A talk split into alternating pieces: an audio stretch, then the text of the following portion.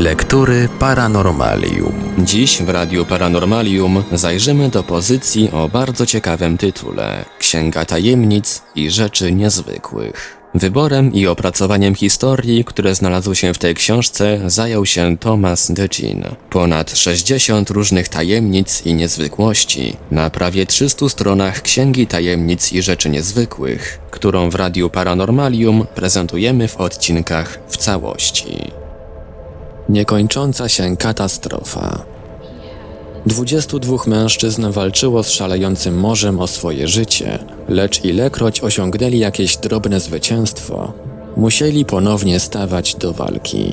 Przypadek szkunera Mermaid i 22 ludzi, którzy byli na jego pokładzie, znajduje się w obszernych kartotekach Lloyda w Londynie, lecz chociaż zawierają one opisy przeróżnych wypadków, to żaden nie może się z nim równać. Wszystko zaczęło się bardzo przyjemnie rankiem 16 października 1829 roku, kiedy Mermaid wypłynęła z zatoki w Sydney, podążając do zatoki Collier na północnym wybrzeżu Australii.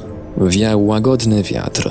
Słońce lśniło na wierzchołkach fal, kiedy przecinała je Mermaid. Na pokładzie statku było 18 krzepkich marynarzy, trzech pasażerów i kapitan Samuel Norbrough, który stał przy sterze. Nie zdając sobie z tego sprawy, rozpoczynali podróż, która nie miała sobie równej w historii wypraw morskich. W czwartym dniu po wypłynięciu z Sydney kapitan przekazał ster pierwszemu oficerowi i zszedł pod pokład na mały łyczek alkoholu z zapasów, które skrzętnie dla siebie zgromadził. Członkowie załogi porozchodzili się po pokładzie, gdyż w takiej sytuacji nie mieli nic lepszego do roboty. Barometr nie zapowiadał w żaden sposób tego, co miało się wydarzyć. Wydawało się, że pogoda będzie ładna, a podróż minie bez przeszkód, aż na krótko przed godziną drugą po południu statek został unieruchomiony przez ciszę morską. Ciężkie, szare chmury zasłoniły tarczę słoneczną. Zaniepokojony bezruchem, kapitan Norbrough odstawił butelkę i zataczając się wrócił na pokład, gdzie zobaczył jak barometr gwałtownie opada. Na chwilę przed tym, zanim zapadła ciemność, skończyła się cisza i zerwał się gwałtowny wiatr, który wkrótce przeszedł w szalejący sztorm. Mermaid walczyła o życie, gdyż znalazła się w krętej cieśninie Torres, wąskim kanale, który pochłonął wiele statków i załóg. Wysokie fale roztrzaskały dziób statku i wrzały wokół sternika, który dla bezpieczeństwa przywiązał się do masztu. Poprzez spazmatyczne błyski światła kapitan Norbrough widział dostatecznie dużo, żeby zdać sobie sprawę, że walczy z szalejącą burzą w z góry przegranej bitwie. Wszyscy byli na pokładzie, kiedy olbrzymia fala cisnęła Mermaid o wierzchołek rafy i statek został rozłupany na pół niczym dojrzały melon. W kilka chwil później 22 mężczyzn grzęzło w absolutnej ciemności. Pośród zburzonego oceanu była dla nich tylko jedna nadzieja. Skalisty wierzchołek, który sterczał nad wodą około 100 metrów od tonącego statku. I cud nad cudami. Kiedy zajaśniało znów światło dnia, 22 pary rąk trzymały się kurczowo skały. Nikt nie zginął. Przez trzy zimne, wilgotne dni tkwili tam bez nadziei, jednakże przez cieśninę przepływała akurat barka Swiftshire. Rozbitków dostrzeżono i zabrano na pokład. Wszystko było dobrze przez następnych pięć dni, dopóki Swiftshire nie zbliżyła się do wybrzeży Nowej Gwinei. Wtedy to i ona stała się ofiarą fatum, które ciążyło na jej wyratowanych pasażerach. Bez żadnego ostrzeżenia, potężny prąd, który nie był zaznaczony na mapach, porwał Swiftshire. Barka przechyliła się na burtę na skalistym wybrzeżu i wszyscy musieli ją opuścić.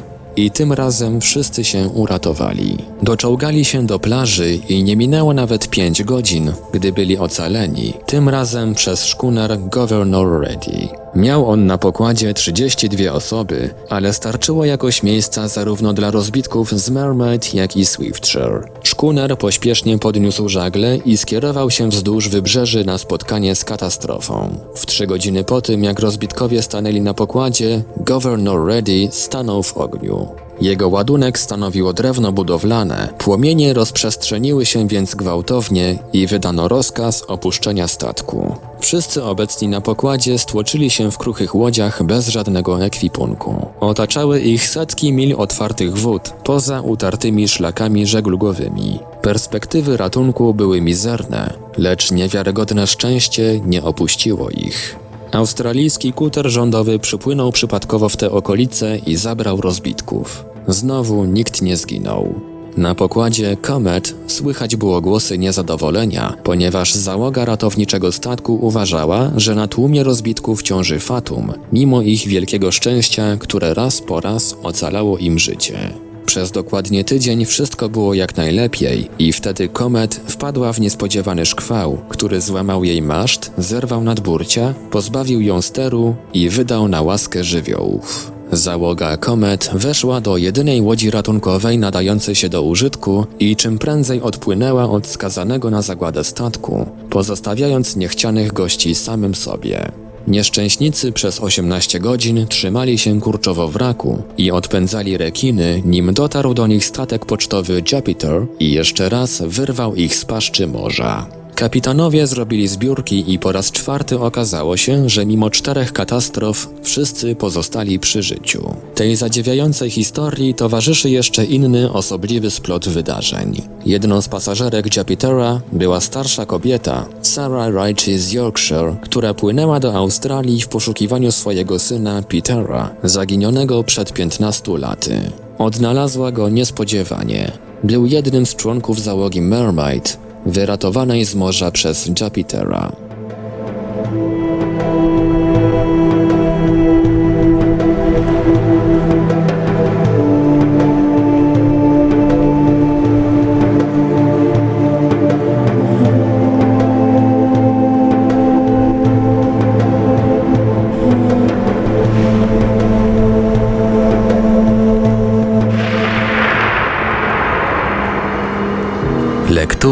Paranormalium. Połknięty przez wieloryba. Czy jest możliwe, aby człowiek został połknięty przez wieloryba i przeżył? Okazuje się, że tak. Archiwa Admiralicji Brytyjskiej dostarczają ewidentnych dowodów prawdziwości zdumiewającej relacji Jamesa Bartleya, brytyjskiego marynarza, który został połknięty przez wieloryba i przeżył, by móc o tym opowiadać. James odbywał swoją pierwszą i ostatnią podróż jako marynarz na pokładzie wielorybnika Gwiazda Wschodu. W lutym 1891 roku statek posuwał się z łomotem żagli, pchany naprzód pomyślnym wiatrem, jakieś 100 mil na wschód od Wysp Falklandzkich na południowym Atlantyku. Nagle obserwator wydał elektryzujący okrzyk. Tam, wieloryb, z lewej, gdyż zauważył olbrzymiego kaszalota o pół mili od burty dziobowej. Gwiazda wschodu spuściła żagle i wachty wielorybnicze wgramoliły się do trzech małych łódek, aby, jeśli to możliwe, wbić harpuny w potężnego ssaka. W łodzi, która jako pierwsza dotarła do wieloryba, znajdował się młody James Bartley. Wiosłując powoli, marynarze podprowadzili swoją kruchą łupinę tak blisko niczego niespodziewającego się stworzenia, że harpunnik mógł się wychylić i wbić swoją ogromną włócznię w trzewia wieloryba. Podczas gdy ugodzona bestia walczyła, by uwolnić się od haka harpuna, Bartley i jego towarzysze cofali się gwałtownie, żeby wydostać się z zasięgu masywnego ogona. Przez moment szczęście zdawało się sprzyjać marynarzom. Wieloryb zanurzył się głęboko i pociągnął za sobą 250 metrów ciężkiej liny.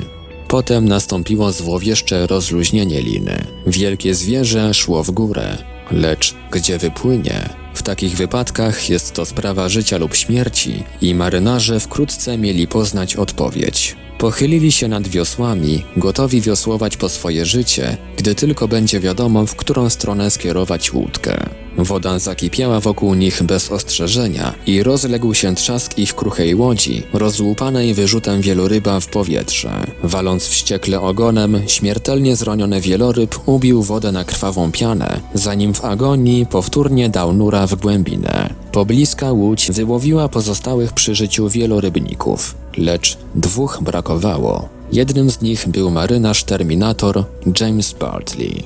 Wiatr, który przywiódł Gwiazdę Wschodu na scenę tej tragedii, opuścił ją teraz i z łopaczącymi słabo żaglami kołysał na długiej, martwej fali. Jeszcze tego samego fatalnego dnia, krótko przed zachodem słońca, umierający wieloryb wypłynął na powierzchnię, dryfując w odległości 400 metrów od statku. Załoga pospiesznie przymocowała do wieloryba linę. Upalna pogoda zmuszała do natychmiastowego ćwiartowania zwierzęcia. Ponieważ nie było żadnych środków, aby podnieść stutonowego ssaka na pokład, mężczyźni wzięli łopaty do płatania i się i obsuwając wzdłuż grzbietu wieloryba, zdzierali grubą warstwę tłuszczu. Robota brudna i niebezpieczna, jako że woda pełna była rekinów podnieconych zapachem krwi. Tuż przed 11 w nocy pracujący przy świetle latarni, zmęczeni już marynarze, wyjęli żołądek i ogromną wątrobę, które wciągnięto na statek do przerobu. Już na pokładzie zauważyli jakieś zaskakujące ruchy we wnętrzu gigantycznego brzuszyska. Powolny, rytmiczny ruch, który sprawiał wrażenie, jakby coś oddychało. Kapitan pospiesznie wezwał lekarza okrętowego, który dokonał ogromnego cięcia w twardym mięsie. Pojawiła się ludzka stopa, but i cała reszta. W chwilę później wyciągnięto jednego z zaginionych marynarzy. Był to James Bartley, zgięty w pół, nieprzytomny, ale żywy. Prawdopodobnie z braku lepszych pomysłów podekscytowany lekarz kazał polewać Bartleya wiadrami morskiej wody. Kuracja ta pozwoliła na przywrócenie nieszczęśnikowi przytomności, lecz nie rozumu. Bartley bełkotał coś bezładnie, rzucając się po pokładzie w delirium. Przez prawie dwa tygodnie miotał się między życiem a śmiercią, przywiązany do koi w kabinie kapitana. Stopniowo, jak zapisał lekarz okrętowy w swoich notatkach, podpisanych przez całą załogę, Bartley odzyskiwał zmysły, lecz minął miesiąc, nim był w stanie opowiedzieć, co się z nim działo. Pamiętał, że został wyrzucony w powietrze, kiedy wieloryb strzaskał ich łódź, a kiedy wpadł z powrotem do morza, zobaczył rozwierającą się tuż przed nim ogromną paszczę. Krzyczał, gdy go pochłaniała. Czuł kłujący ból, kiedy przesuwał się wzdłuż małych, ostrych zębów. Potem poczuł, jak ześlizguje się w dół śluzowatej rury. Pamiętał walkę o oddech, kopanie, potem rozkoszne zapomnienie, dopóki miesiąc później nie odzyskał świadomości w kabinie kapitana. Był w żołądku wieloryba 15 godzin i w rezultacie stracił wszystkie włosy na ciele, jego skóra nienaturalnie zbielała i pozostał prawie zupełnie ślepy przez resztę życia, które spędził jako łatacz starego obuwia w swoim rodzinnym Gloucester. Liczni lekarze z wielu krajów przyjeżdżali, by badać go i wypytywać. Żył jeszcze 18 lat po swej strasznej przygodzie, a na jego nagrobku jest krótka opowieść o niej i dopisek. James Bartley, 1870-1909. Współczesny Jonasz. Drodzy słuchacze, jestem Wam jako redaktor Radia Paranormalium winny kilka słów komentarza do tej historii.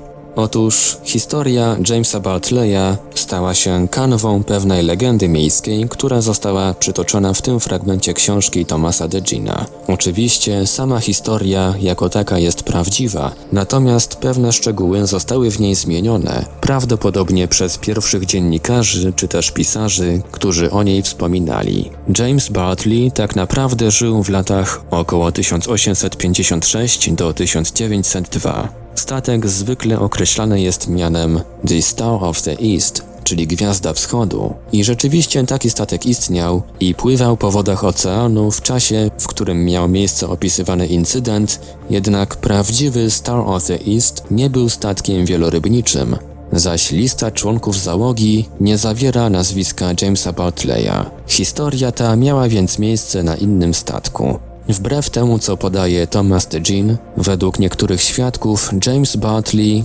powrócił do pracy w ciągu trzech tygodni od opisywanych wypadków. Zmarł jakieś 11 lat później. Na jego nagrobku w istocie znajduje się przypisek James Bartley, a modern day Jonah, czyli James Bartley, współczesny Jonasz.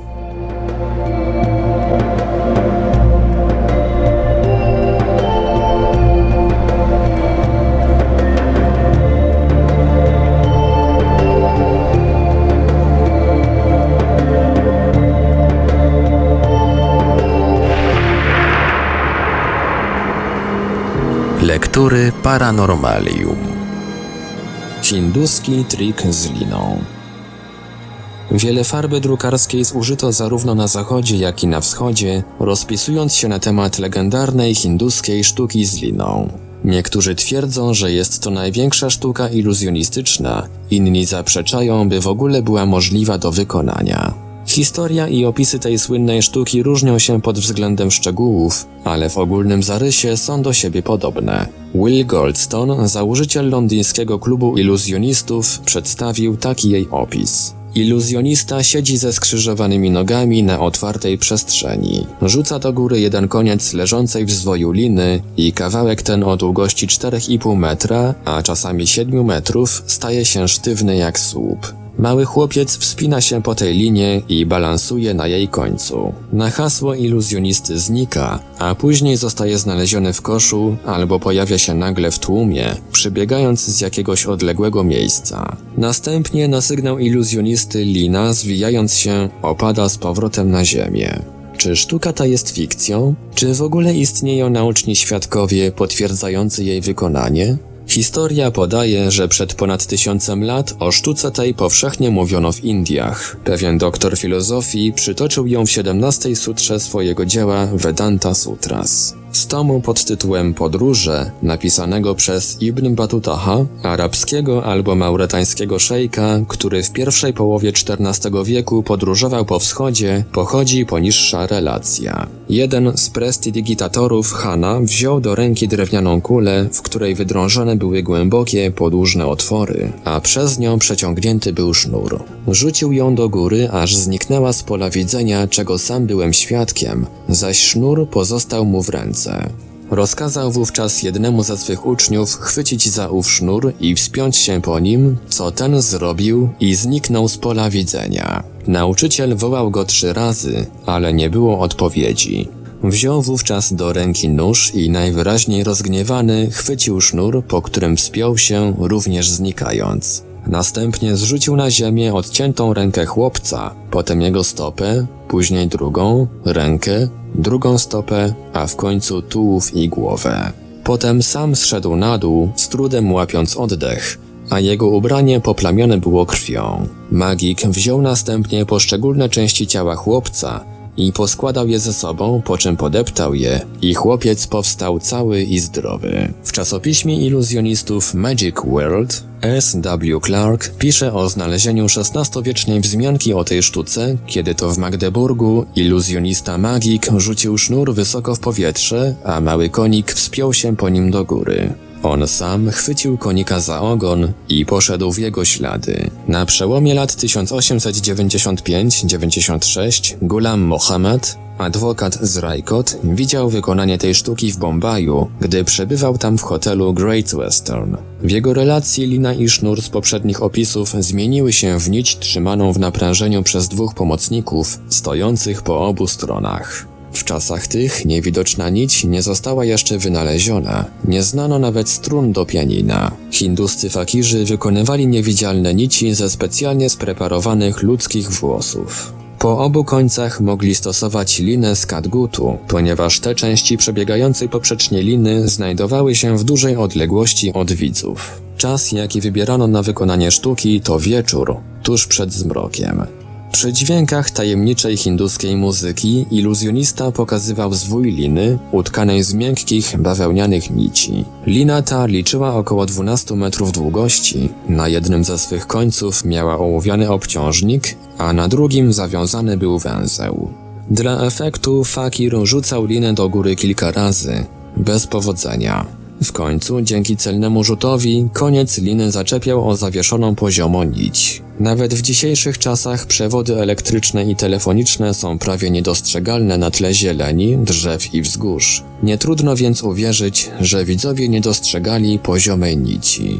Dźwiękami muzyki pomocnicy na szczytach obydwu wzgórz byli informowani, kiedy zacząć ciągnąć za swoje końce liny z katgutu. Tak więc, podobnie jak dziś unoszące się w powietrzu piłki i tańczące chusteczki są raczej podtrzymywane z góry niż z dołu, czego spodziewa się nawet współczesna widownia, również i ta lina ciągnięta była z góry, a nie stawała pionowo. Gdy osiągnęła wysokość około 9 metrów, ludziom zdawało się, że wbrew prawom ciążenia sięga ona niebios. Tak więc pierwszą część hinduskiej sztuki z liną można z powodzeniem wykonać na otwartej przestrzeni. Przejdźmy teraz do drugiej części.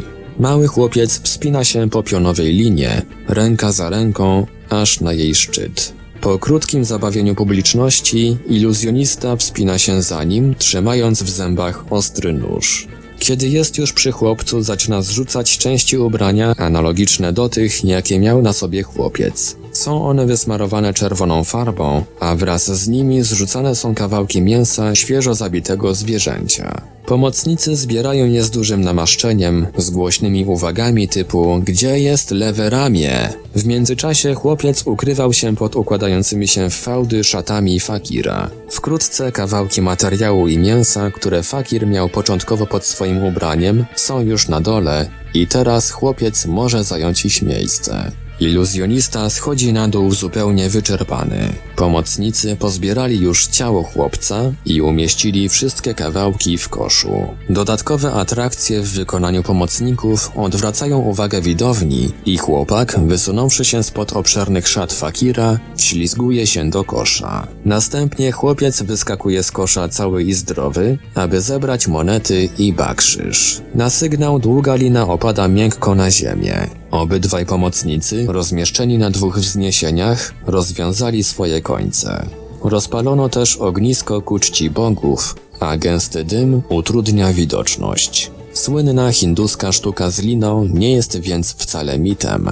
Można ją wykonać nie tylko w pomieszczeniu, ale także pod gołym niebem.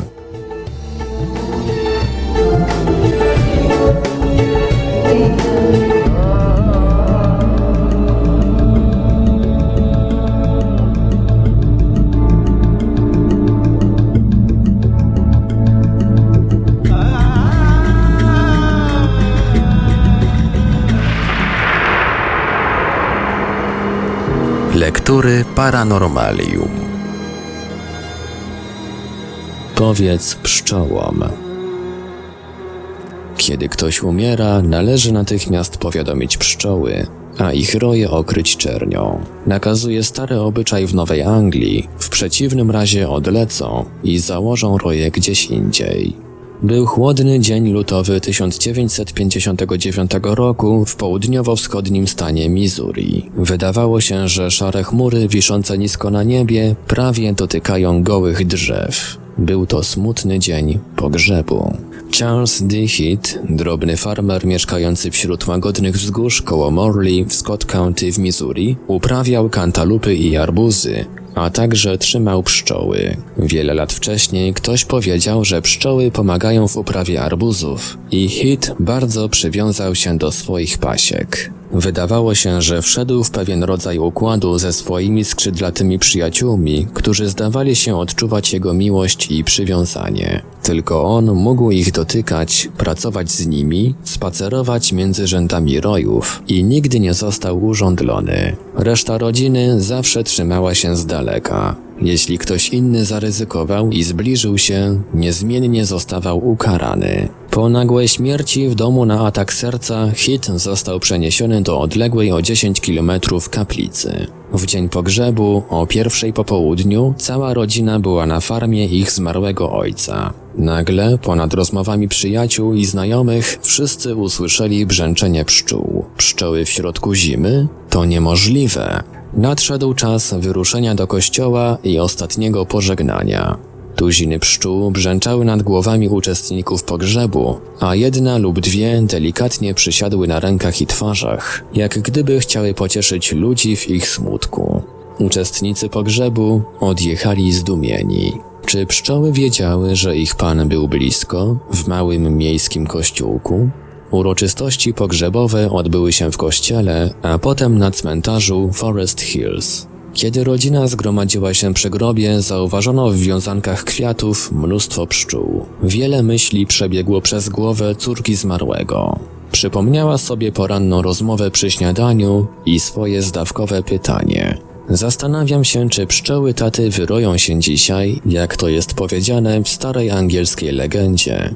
I spokojne zapewnienie jej męża, nie wyroją się. Jest przecież środek zimy. One zapadły w zimowy sen. Ale pszczoły tu były. Później, po ceremonii i ułożeniu kwiatów, cała rodzina wróciła na cmentarz. Kiedy zbliżano się do grobu, druga z córek, bardzo podniecona, zbiegła ze wzgórza krzycząc: Pszczoły nadlatują w wielkich ilościach. Kościelny i inni, którzy jeszcze byli na cmentarzu, patrzyli razem z rodziną zmarłego na pszczoły zbliżające się w linii. Wielka czarna chmura pszczół nadlatywała bezpośrednio od domu zmarłego nad dolinę. Obsiadły płatki kwiatów, którymi przystrojony był grób i nie urządliły nikogo ze zgromadzonych, mimo że pełzały po twarzach, ramionach i rękach. Kiedy uczestnicy pogrzebu wrócili do domu, spotkali młodszego syna zmarłego. Był tak samo podekscytowany jak oni. Pszczoły taty obudziły się, powiedział. Opuszczają roje setkami. Nie wróciły. Może podążyły za swoim przyjacielem, aby się z nim połączyć?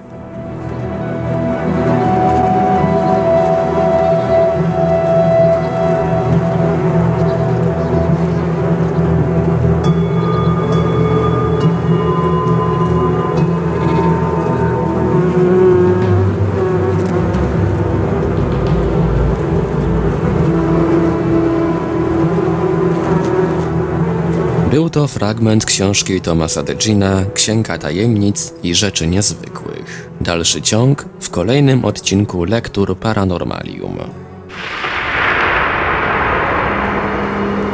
Lektury Paranormalium.